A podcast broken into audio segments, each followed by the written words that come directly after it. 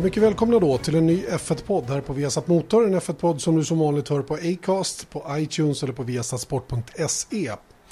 Eh, dagens F1-podd spelas in i Ryssland på Sochi Autodrom inför säsongens 15 VM-deltävling i Formel 1.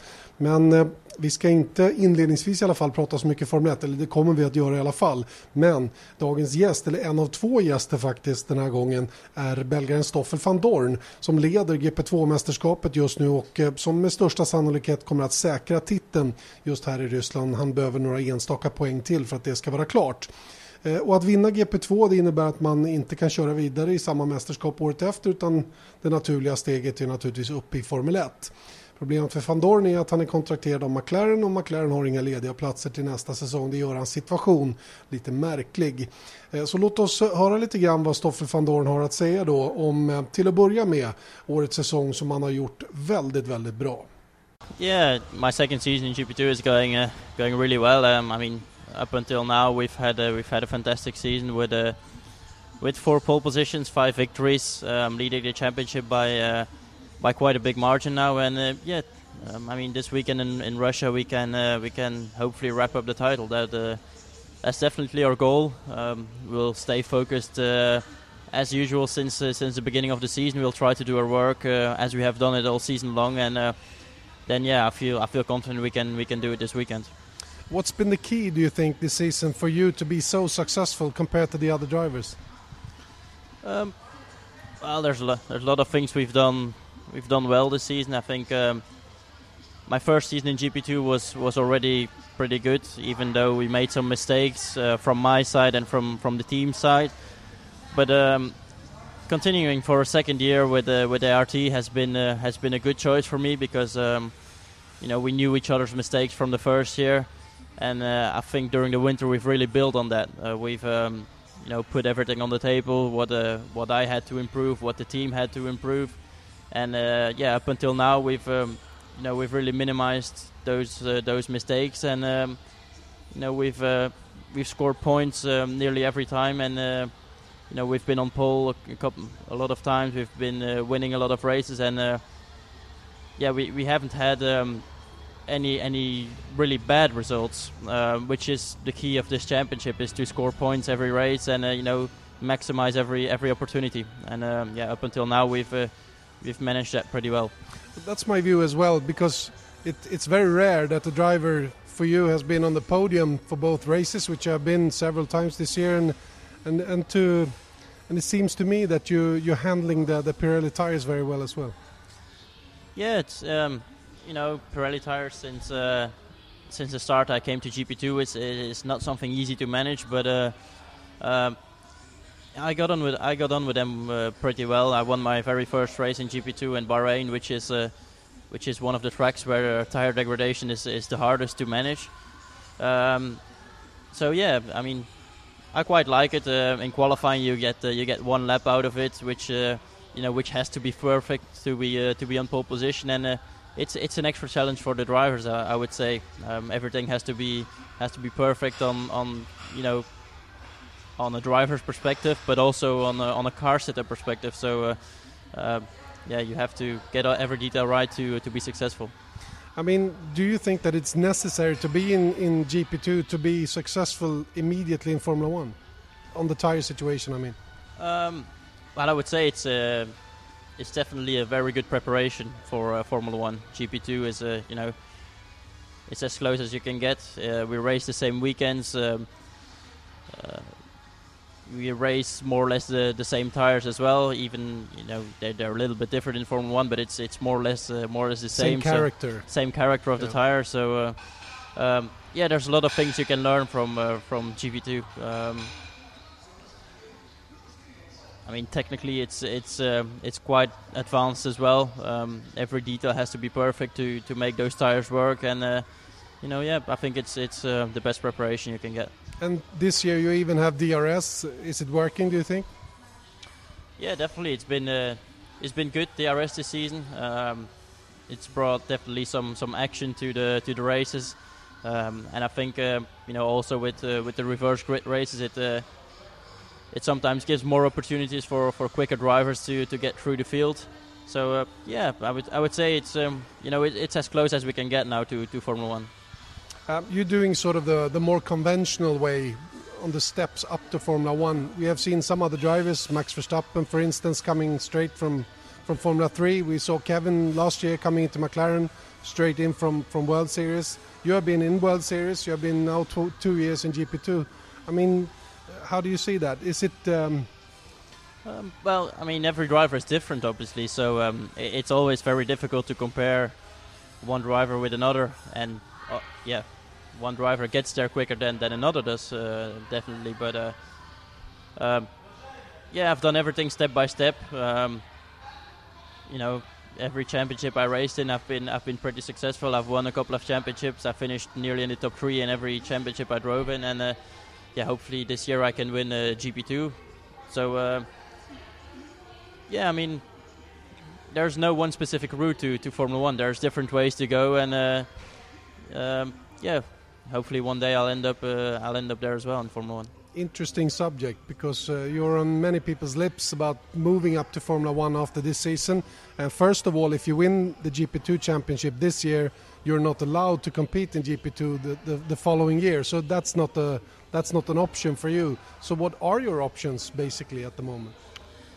Um, yeah, well, I mean, I've been pushing hard for Formula One. Obviously, um, first of all, the goal was this season to, to dominate GP2. Uh, up until now, I've, I've, pretty much managed that, but um, you know, I still want to continue that uh, until the end of the season to show um, we're still as dominant as in the beginning. Um, and then, yeah, I mean, the next step has to be Formula One. Um, I'm working really hard on it. There's uh, unfortunately, even if I win GP2, there's there's no guarantees, um, which is the way uh, the way it is uh, at the moment. But uh, I mean, I do feel there's opportunities out there.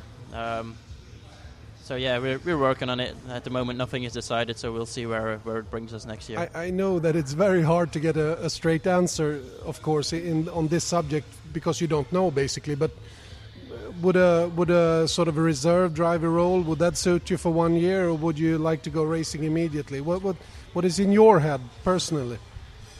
Well, my main objective is to is to, to go racing. I mean, I'm a racing driver. I I, I want to be in a, in a race seat next year, and I think uh, you know I, I, think I deserve a chance definitely.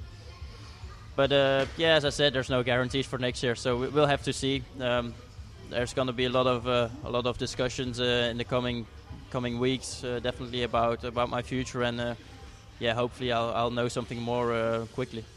Um, I guess everyone suspected that the seat in McLaren instead of Jenson Button was more or less uh, yours, but but now that Jenson Button signed the contract for, for competing next year as well, how much that was that a setback for you? Um, well, obviously. Um, you know, at the, the first feeling, wow, I was a bit disappointed, which is which is normal when uh, when you feel you got a real chance to, to be a McLaren driver. It's uh, you know, it, it's still what I what I want to be. I want to be a McLaren driver. So um, I've been with them for three years now. Um, I've had a very successful relationship uh, up until now, and uh, you know, I, I, know a lot of the guys there. So it would be more or less a logical step for me to to to to go with them. So, uh, but you know, I'm still pretty young. Um, there there is opportunities out there, and uh, we're um, you know I, I, can't complain against McLaren because they're you know they have two world champions, um, two great drivers for for their team as well. So uh, you know, but equally um, I feel I I I should uh, should get a chance as well, and um, you know I'm, pushing very hard for that at the moment from the outside anyway, you, you deserve a place in Formula One. It, it's it's my view anyway. Um, we have four seats left for next season. It's one with the with the Lotus slash Renault. We have one with Haas. We have two with Manor. Um, if if one of those seats would be available for you, would McLaren have to let you go, or could you do that with the support from McLaren still? Um, well, as I said, you know, we're working on on different uh, different things for next year. Um, there's going to be a lot of talks, um, obviously, with McLaren. Uh, over the next weeks because uh, first of all I, I, I, do have a contract with McLaren so uh, um, yeah but you know I've always said if if there's no possibilities at McLaren then th- we have to see what other opportunities are available um, so yeah I said nothing is, is decided yet, and we'll have to wait a bit longer. I'm pressing on with these questions because it's really interesting. I, I, I know that it's hard for you to answer. Um, your, your team boss here at ART, uh, Fredrik Vasseur, uh, the rumor is that he maybe get a top shot at, at uh, the new Lotus slash Renault team. Could that be in favor for you? Um, well, first of all, I yeah, I don't know how uh, how it is going to be. I think that even the deal with Renault is, is probably not uh, not a hundred percent done deal yet. So uh, as long as it's not done yet, then it's uh, it's difficult to to say exactly what is going to happen. What is your dream scenario for next year then? Uh, difficult to say. I mean, um, we, we have to see the options uh, that are available with uh, together with McLaren, and uh, you know, then uh, then we'll see. I, I do want to be in a race drive, and, and I think there is opportunities, but uh, yeah, we'll we'll have to see. Uh, you've been. Uh, we, we let that we let that on the side now because I know that you can't really answer. Um, looking at McLaren Honda at the moment, really struggling with for pace, reliability, and all that. Is is McLaren Honda really something that you want to drive for in that perspective? Yes, definitely. Um, everybody knows that uh, that now it's a difficult time. Um, it's the first year that Honda is back um, as a as a partner with uh, with McLaren. You know, it's a. But we knew it from the beginning that uh, that it, was going to be tough. But it's al- also the only way we're we're going to be able to uh, you know to, to win a world championship again uh, in in the future. Um, you have to be you have to be the works team, especially with uh, with the tricky engine regulations there there are now. So. Um, you know, at the moment, at the moment, Mercedes is the dominant force, but um, I think Honda has the cap- capability to, you know, to, to match that or to, to do better. You know, uh, it's just a question of time. Uh, everybody obviously hopes uh, the performance comes sooner rather rather than later. So, uh, um, yeah, we'll, we'll have to see how, how things evolve. We've seen that uh, it is possible from year to year to to make huge steps. So uh, yeah, hopefully we, we can do that as well. Are you surprised by the struggles Honda have had this year? Um, difficult to say. I mean, um, you always expect a lot. I would say. Um, so yeah, it's, it's it's it's been difficult to, you know, to accept that um, that, that that that we've struggled. But uh, I mean, everybody is working on is working on on the next seasons now, and everybody knows that. Um, everybody is massively motivated about about the project, and uh, you know we'll, we'll see how the progress will go. You were actually the first one to drive the McLaren Honda in in, Ab- in Abu Dhabi last year. C- can you explain?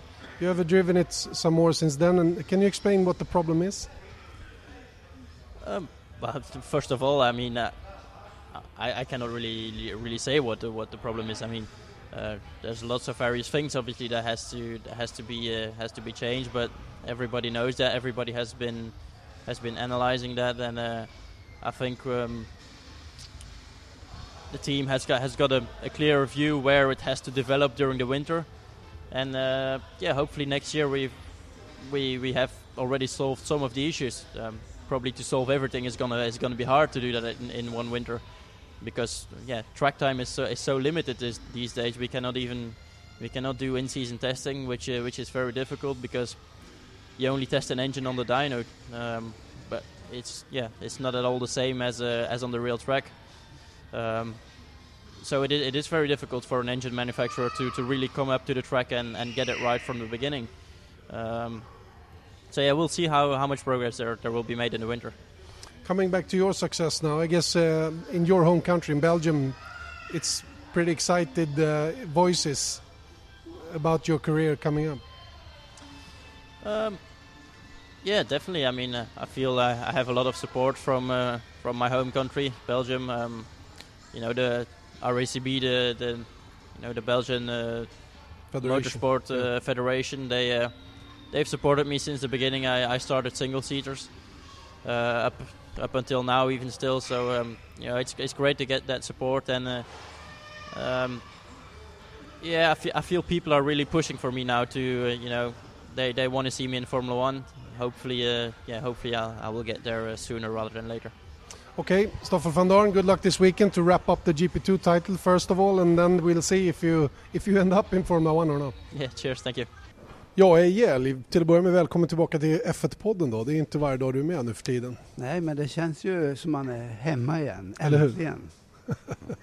Eh, vi har precis hört Stoffel van Dorn eh, eh, åla sig ur kniviga frågor från undertecknad angående nästa säsong. Ehm, han har ju ingen lätt situation kan vi konstatera och just att Jenson Button nu förlängde kontraktet det, det blev ett bakslag för honom minst sagt. Ja, det är klart att det, att det blir och, och det är väl lite oturligt eller tajmingen är, är fel helt enkelt. Personligen så trodde jag nog att Button skulle eh, lägga av själv. Men eh, han, vill, eh, han vill prova lyckan ett år till och då är det på bekostnad av Stoffel van Dorn. Så vad landar då belgaren i för situation? Vad, vad är hans alternativ? Utifrån Hans- ditt sätt att se på Hans alternativ är ju eh, egentligen så den fördelen som han har haft den blir ju lite ne- neutraliserad. Eh, fördelen med att finnas med i ett sånt här eh, förarprogram som många gånger eh, kan, kan hjälpa en förare att nå ända vä- hela vägen fram till Formel 1 kan också jobba i motsatt riktning och det är precis vad vi ser här. Eh, han eh, är ju fortfarande kontrakterad McLaren-förare och det innebär ju att något annat blir nog svårt för McLaren. Eller nu blir det svårt för McLaren att hitta en, en lucka för honom någon annanstans. Mm. För att, att McLaren skulle ekonomiskt supporta honom in i något annat team för att ge honom utbildning i Formel 1, det, det ser inte du som någon sannolikhet? Nej, det gör jag inte. Inte som eh, läget ser ut i, eh, hos McLaren just nu med tanke på att eh, resultaten har utblivit. Det här samarbetet med Honda har inte blivit vad man hade räknat med. Man har det tufft hos McLaren. Så att eh, för van Dorn så är det egentligen eh, Eh, att, att kliva ner på samma nivå som alla andra som eh, i praktiken måste hitta förutsättningar för att bli attraktiva för ett Formel 1-team. Självklart i hans fall så pratar ju de eh, otroligt fina resultaten i GP2 eh, till hans fördel. Men eh, ofta så räcker inte det och det finns inte så många körningar kvar. Han behöver bli en paydriver alltså, som alla andra.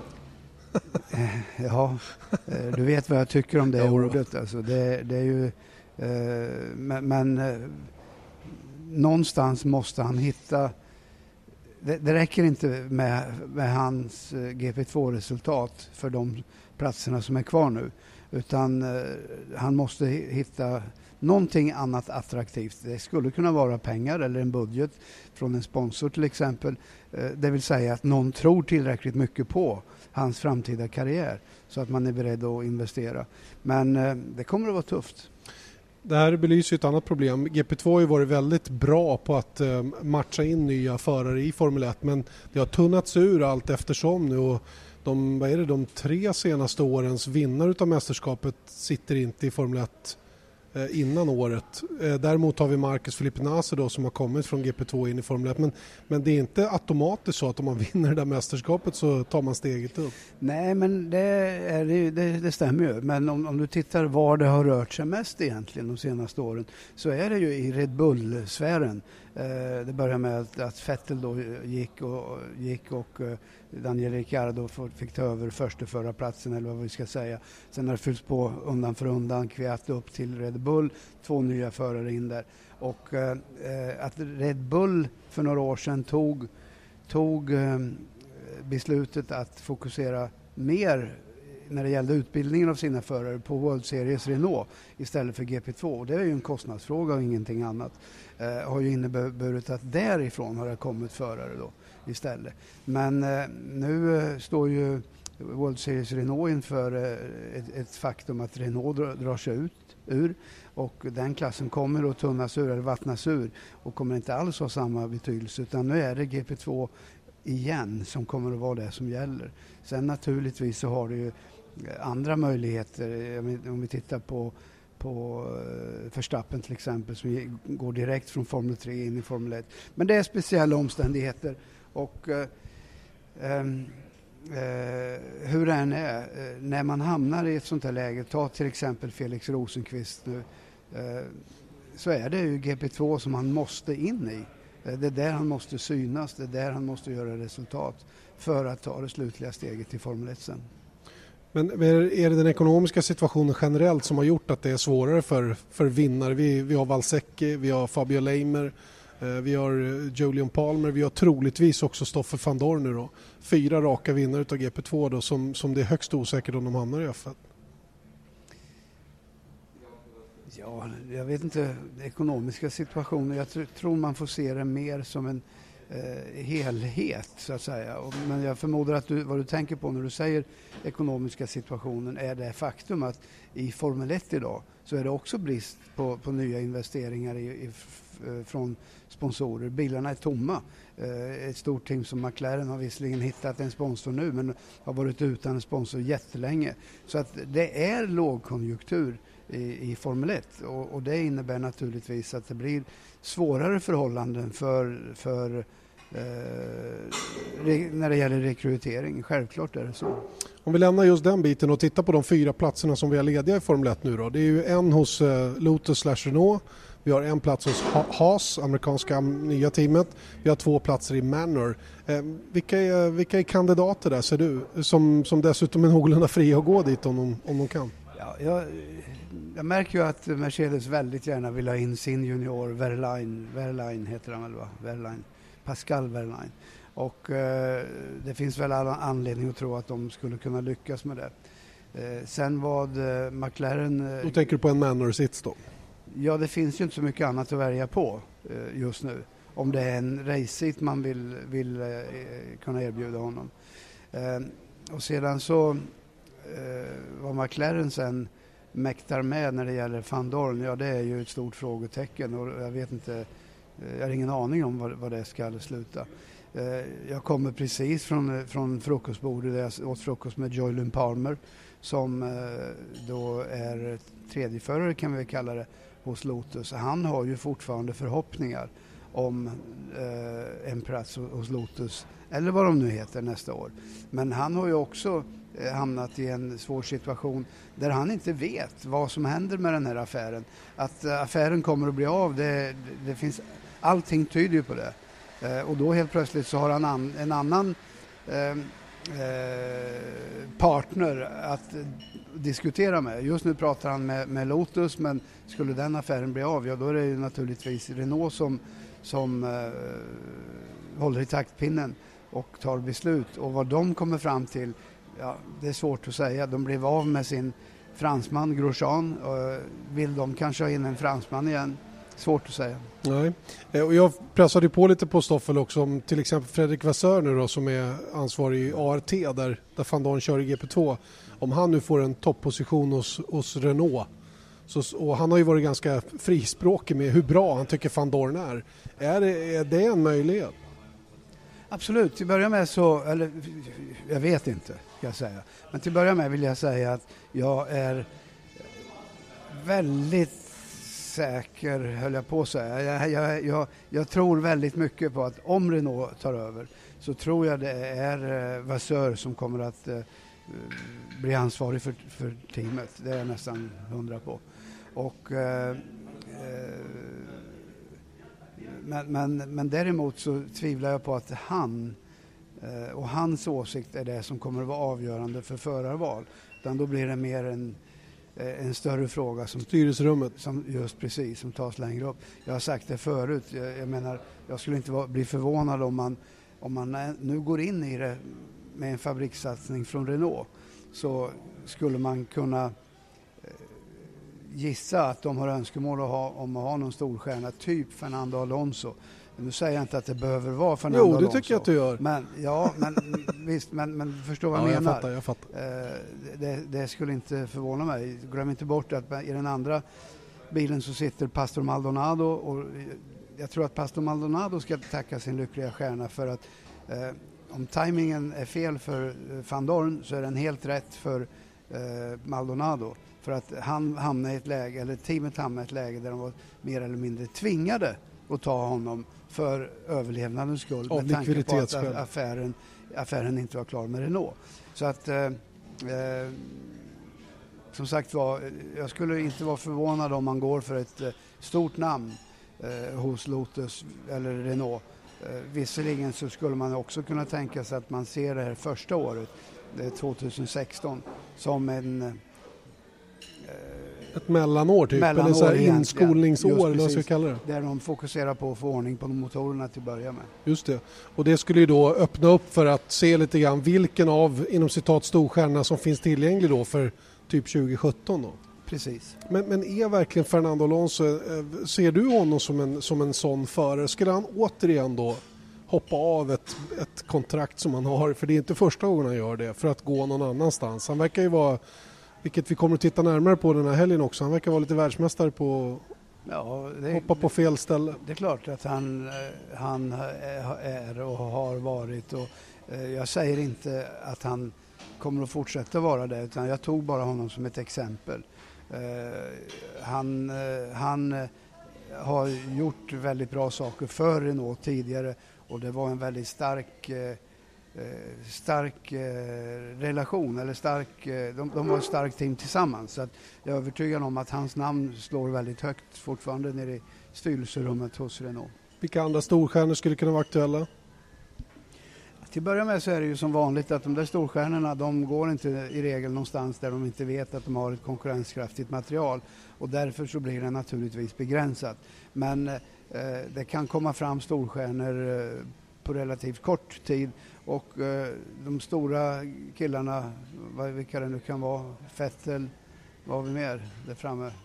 Ja, Vettel, ja, de är inte så himla många kvar. Visst, Nej. men jag tänker mera på som är i rimlig ålder dessutom. Jag tänker ju att Red Bull kanske packar ihop väskorna och drar. Då, då har de ju lite att välja på Re- Renault. Ja, absolut. Absolut, visst är det så. Ja, men det är det jag menar. Det, det är så mycket som, som händer. Alltså det, det blir ren spe, spekulation egentligen och gissningslek. Eh, det är nästa grej här, alltså med, med eh, vad som händer med Red Bull. Eh, det skulle naturligtvis eh, frigöra en massa förare, ställa dem, göra dem tillgängliga. Det är bra att du tar upp det för, för Toro Rosso eh, enligt uppgift har gjort klart med att köra med Ferrari nästa säsong. Eh, och om Toro Rosso kör vidare, det var du inne på i ett sms till mig, kör de vidare, då kör väl givetvis Red Bull vidare också. Ja, Jag kan inte se någon annan, eh, annan, jag kan inte dra någon annan slutsats av det.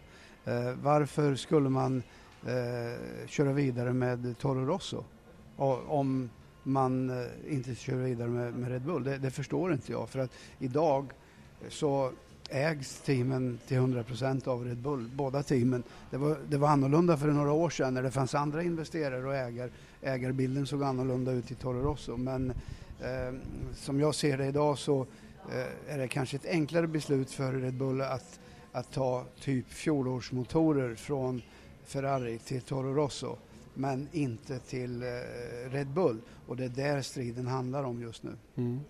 Eh, vore det inte bättre för Renault att köpa Red Bull och få den slotten eftersom man ändå är ute efter eh, extra betalt från Bernie och alla sådana bitar? Men varför skulle de köpa? Det är inte så lätt att köpa något om det inte är till salu. Ja, men jag har uppfattat att det har varit i salu Red Bull. Jag tycker han har låtit så hela tiden Mateschitz här, att han vill, han vill eh, Det- göra sig det- av med Det är ingenting som jag som jag eh, kan eh, svara på eh, utan det får stå för dig i så fall. Jag vet inte var de uppgifterna kommer ifrån. Jag har svårt att tänka mig att Red Bull skulle vara till salu. Däremot så har det spekulerats då om Volkswagen skulle gå in och köpa det i tysk media bland annat och om det är det du tänker på. Det ser jag inte som något annat än rena spekulationer just nu men jag tror att jag, tror, jag, jag menar varför är Red Bull i, i Formel 1? De är i Formel 1 för att sälja dryckesburkar.